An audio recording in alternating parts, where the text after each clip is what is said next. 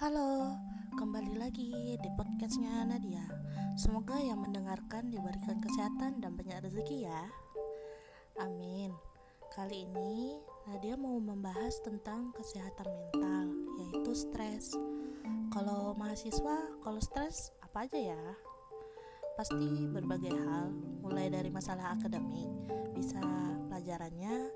Kalau anak tingkat akhir, pasti skripsinya atau masalah percintaan, masalah keluarga, atau masalah ekonomi. Stres tidak bisa dipisahkan dalam kehidupan manusia. Stres adalah bentuk ketegangan dari fisik, psikis, emosi, maupun mental kita. Stres ini sebenarnya bisa baik karena bisa meningkatkan daya kerja kita. Tetapi, kalau kita tidak bisa tahan terhadap tekanan yang dihadapinya, maka stres ini akan berdampak negatif dan ini akan mengganggu kehidupan sehari-hari. Nah, kita lihat dari secara statistik terutama di Indonesia. Dari data riset kesehatan dasar pada tahun 2018 menunjukkan prevalensi gangguan mental emosional yang ditunjukkan dengan gejala-gejala depresi dan kecemasan untuk usia 15 tahun ke atas mencapai sekitar 6,1 persen dari jumlah penduduk Indonesia atau setara dengan 11 juta orang. Banyak juga ya. Pada usia remaja 15 sampai 24 tahun memiliki presentasi depresinya sebesar 6,2 persen. Itu termasuk tinggi loh karena depresi berat ini akan mengalami kecenderungan untuk menyakiti diri sendiri atau self harm hingga yang paling parah yaitu bunuh diri. Sebesar angka 80 sampai 90% kasus bunuh diri merupakan akibat dari depresi dan kecemasan. Itu prihatin kalau kita lihat secara data. Kasus bunuh diri di Indonesia sebanyak 10.000 atau setiap satu jam terdapat kasus bunuh diri.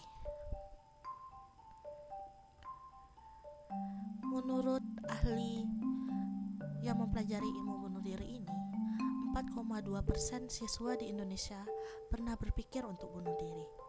Maksudnya di sini, dia belum melakukannya, tapi udah ada di dalam pikiran dia untuk melakukan bunuh diri itu. Itu udah mulai tanda-tanda kesehatan mental kita udah nggak baik kalangan mahasiswa sebesar 6,9% persen udah mempunyai niatan untuk bunuh diri sedangkan 3 persennya mereka melakukan percobaan bunuh diri. Depresi pada remaja ini bisa diakibatkan oleh beberapa hal ya yaitu seperti tekanan di bidang akademik seperti pelajarannya sulit atau misalnya kalau anak tingkat akhir skripsinya atau ada mengalami perundungan atau dari ada permasalahan keluarga hingga permasalahan ekonomi. Nah, sedangkan di Indonesia kalau kita lihat secara umum ya, yang ditangani atau mereka mau datang ke tenaga profesional itu hanya sedikit sekali. Itu hanya 9% yang otomatis 91 persennya itu gak ada tertangani hanya dipendam sendiri masyarakat di Indonesia ini kayaknya masih kurang paham tentang tanda atau gangguan dari kesehatan mentalnya sendiri.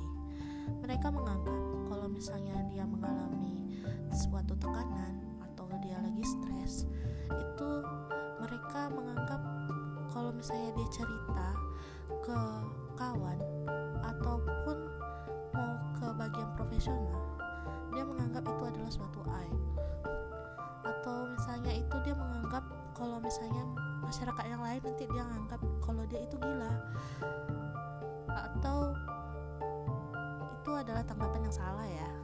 Karena kalau orang yang menangani uh, orang-orang yang mengalami gangguan kesehatan mental itu gak harus orang yang kayak dia kayak orang gila sebenarnya kalau misalnya kita ada beban ada tekanan kalau misalnya kita tidak bisa cerita ke teman ataupun keluarga dan kita butuh kayak orang asing tapi dia bisa menjaga rahasia kita ya kita bisa datang aja ke bagian psikiatri atau psikolog. Yang kita bingungkan harganya sama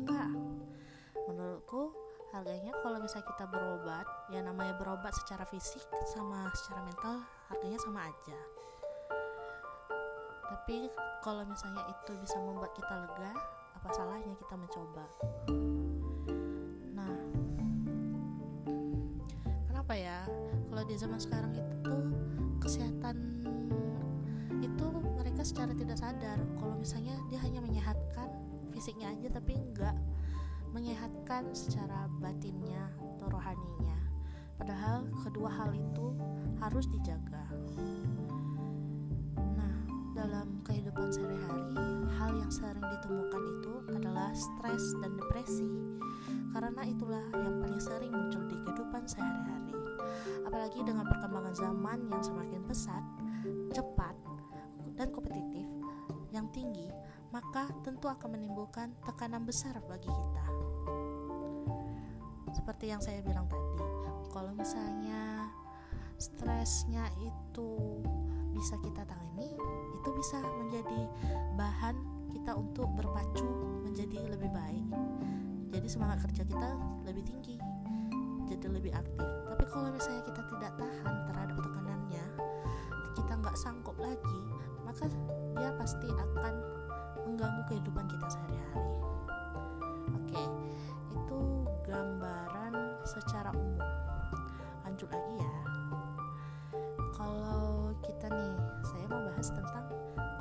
mahasiswa.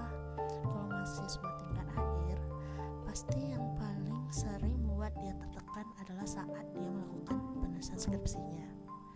Karena kita tahu kalau skripsi merupakan syarat terakhir kita lulus di perguruan tinggi dan untuk mengambil gelar sarjana kita. Karena sebagian karena rasa cemasnya tinggi dan tidak maksimal dalam mempresentasikan hasil penelitiannya. Padahal kalau dilihat dari pelajaran dia mampu. Tapi kalau misalnya dia kayak suasana skripsi berbeda kali ya. Jadi kayak kita tuh kayak kurang mampu untuk menunjukkan hal terbaik dalam kita melakukannya. Karena kita skripsi itu adalah hal pengalaman pertama kita dalam menghadapinya nggak apa-apa. Tenang aja. Teman-teman bisa kok mengurangi rasa tekanan atau stres kita kalau kita nulis skripsi. Aku kasih ya tips-tipsnya yang bisa kita lakukan kalau misalnya kita menghadapi stres kalau lagi mengapain skripsi. Pertama kita pahami dulu kesulitan skripsi kita. Misalnya apakah topiknya skripsinya sulit analisa yang kita pakai kurang efektif. Atau sebagai mahasiswa lain susah nih cari sampel untuk penelitiannya. Ah, atau yang kasus paling sering nih komunikasi kita sama pembimbing kita sangat sulit. Pembimbingnya di mana? Susah mau konsultasi atau ketemunya tidak ada ketemu waktu yang tepat. Atau misalnya udah ketemu pas kita menjelaskannya ternyata nggak ketemu nih pendapat kita sama pembimbing. Nah kita sebagai mahasiswa kita harus paham ini tentang kesulitan-kesulitan kita hadapi. Mungkin dengan kita memetakan satu persatu permasalahannya kita bisa mencari solusinya di tiap di tiap maksud saya permasalahan skripsinya. Atau kamu nih sulit banget nih untuk skripsinya ini bisa bercerita ke orang terdekat mengenai kesulitanmu. Ini adalah tips yang kedua. Tapi ingat ya, kalau misalnya ada masalah, jangan pernah dipendam sendiri. Ini nggak baik loh untuk kesehatan mental kita. Dan itu juga akan semakin memperburuk permasalahannya. Karena kamu kalau ketika kamu memendam permasalahan itu seperti menyakiti diri sendiri kamu selalu kepikiran dengan itu kamu susah untuk menjalani kehidupan sehari-hari akhirnya kamu makin depresi untuk menghadapi permasalahan tersebut. Kalau kamu punya teman yang bisa dipercaya atau kamu bisa cerita juga ke keluargamu yang kamu bisa dapat percaya uh, yang kamu percaya yang biasa untuk tempat kamu curhat. Kamu bisa kok ceritakan kesulitanmu itu. Atau kalau kamu berani dan dosennya itu baik dan terbuka dia untuk membantumu kamu bisa juga ceritakan kesulitan kamu dalam penulisan skripsi itu. Ini sebagai uh, kalau berani ya kalau sama dosennya. Ini se dengan segala kamu mencurhatkan permasalahanmu ini yang hal pertama pastilah beban pikiranmu pasti akan ringan karena kamu bisa nih seharusnya. Kok beban di dalam hati itu udah lepas dah dari dirimu?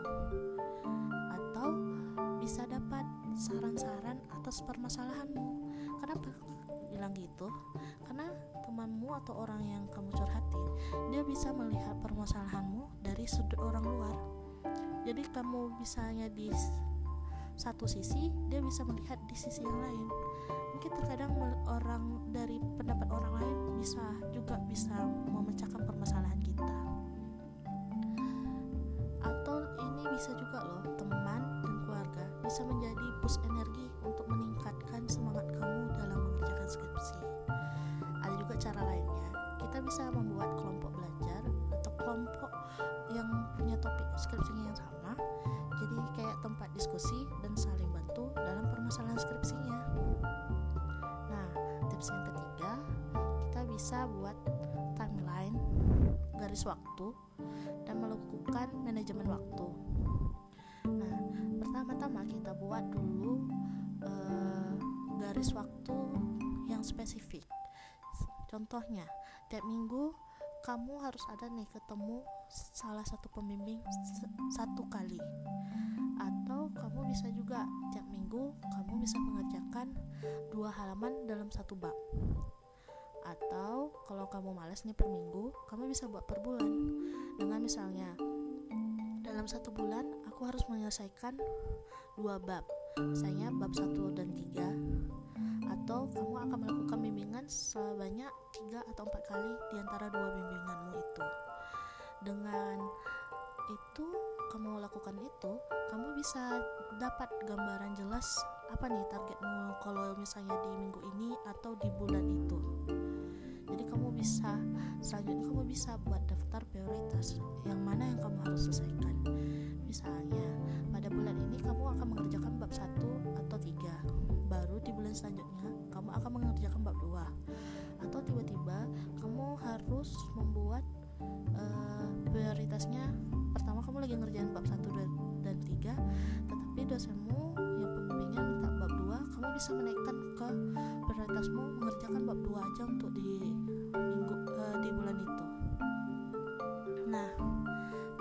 selanjutnya kamu bisa nih berikan penghargaan untuk dirimu sendiri. Karena jika kamu misalnya menyelesaikan dari target yang kamu buat sesuai dengan komitmenmu di awal kamu harus beri pujian pada dirimu sendiri. Ini bukan nasis ya. Karena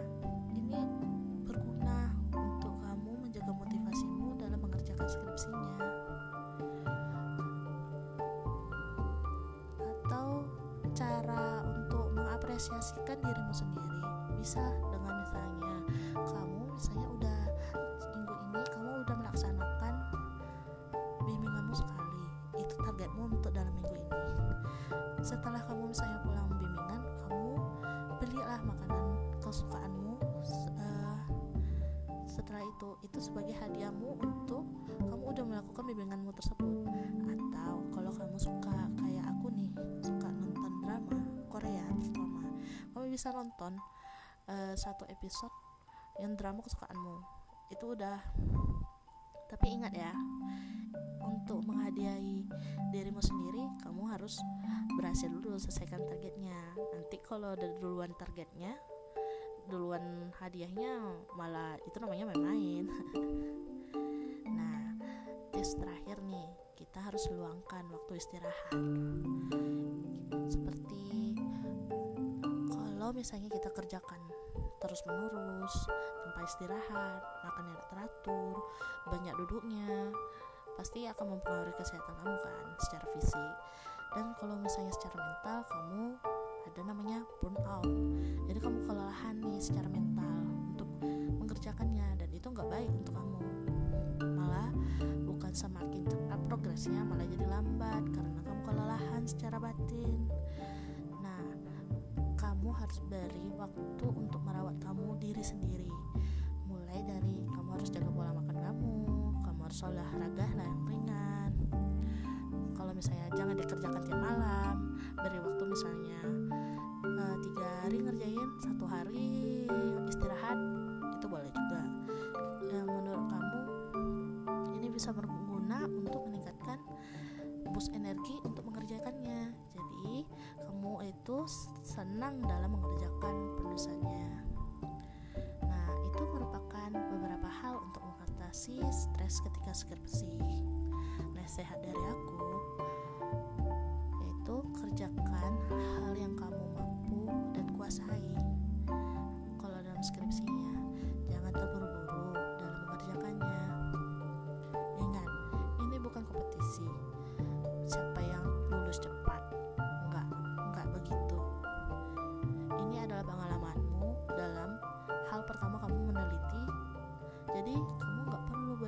tergesa-gesa untuk lulus. Nanti malah terjadi kamu lelah dan berhenti di tengah jalan. Itu kan kurang bahaya. Malah lebih lambat kamu untuk menjadi lulusnya. Jadikan pengalaman pertama kamu meneliti ini menjadi pengalaman yang menyenangkan. Biar dikerjakan sedikit demi sedikit nanti semua yang kamu kerjakan sedikit demi sedikit ini pada akhirnya bisa selesai selesai dalam sekejap mata. Nah teman-teman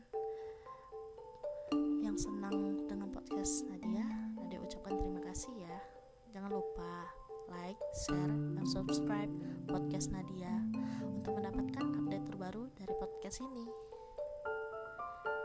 Sampai jumpa lagi di podcast selanjutnya. Dah.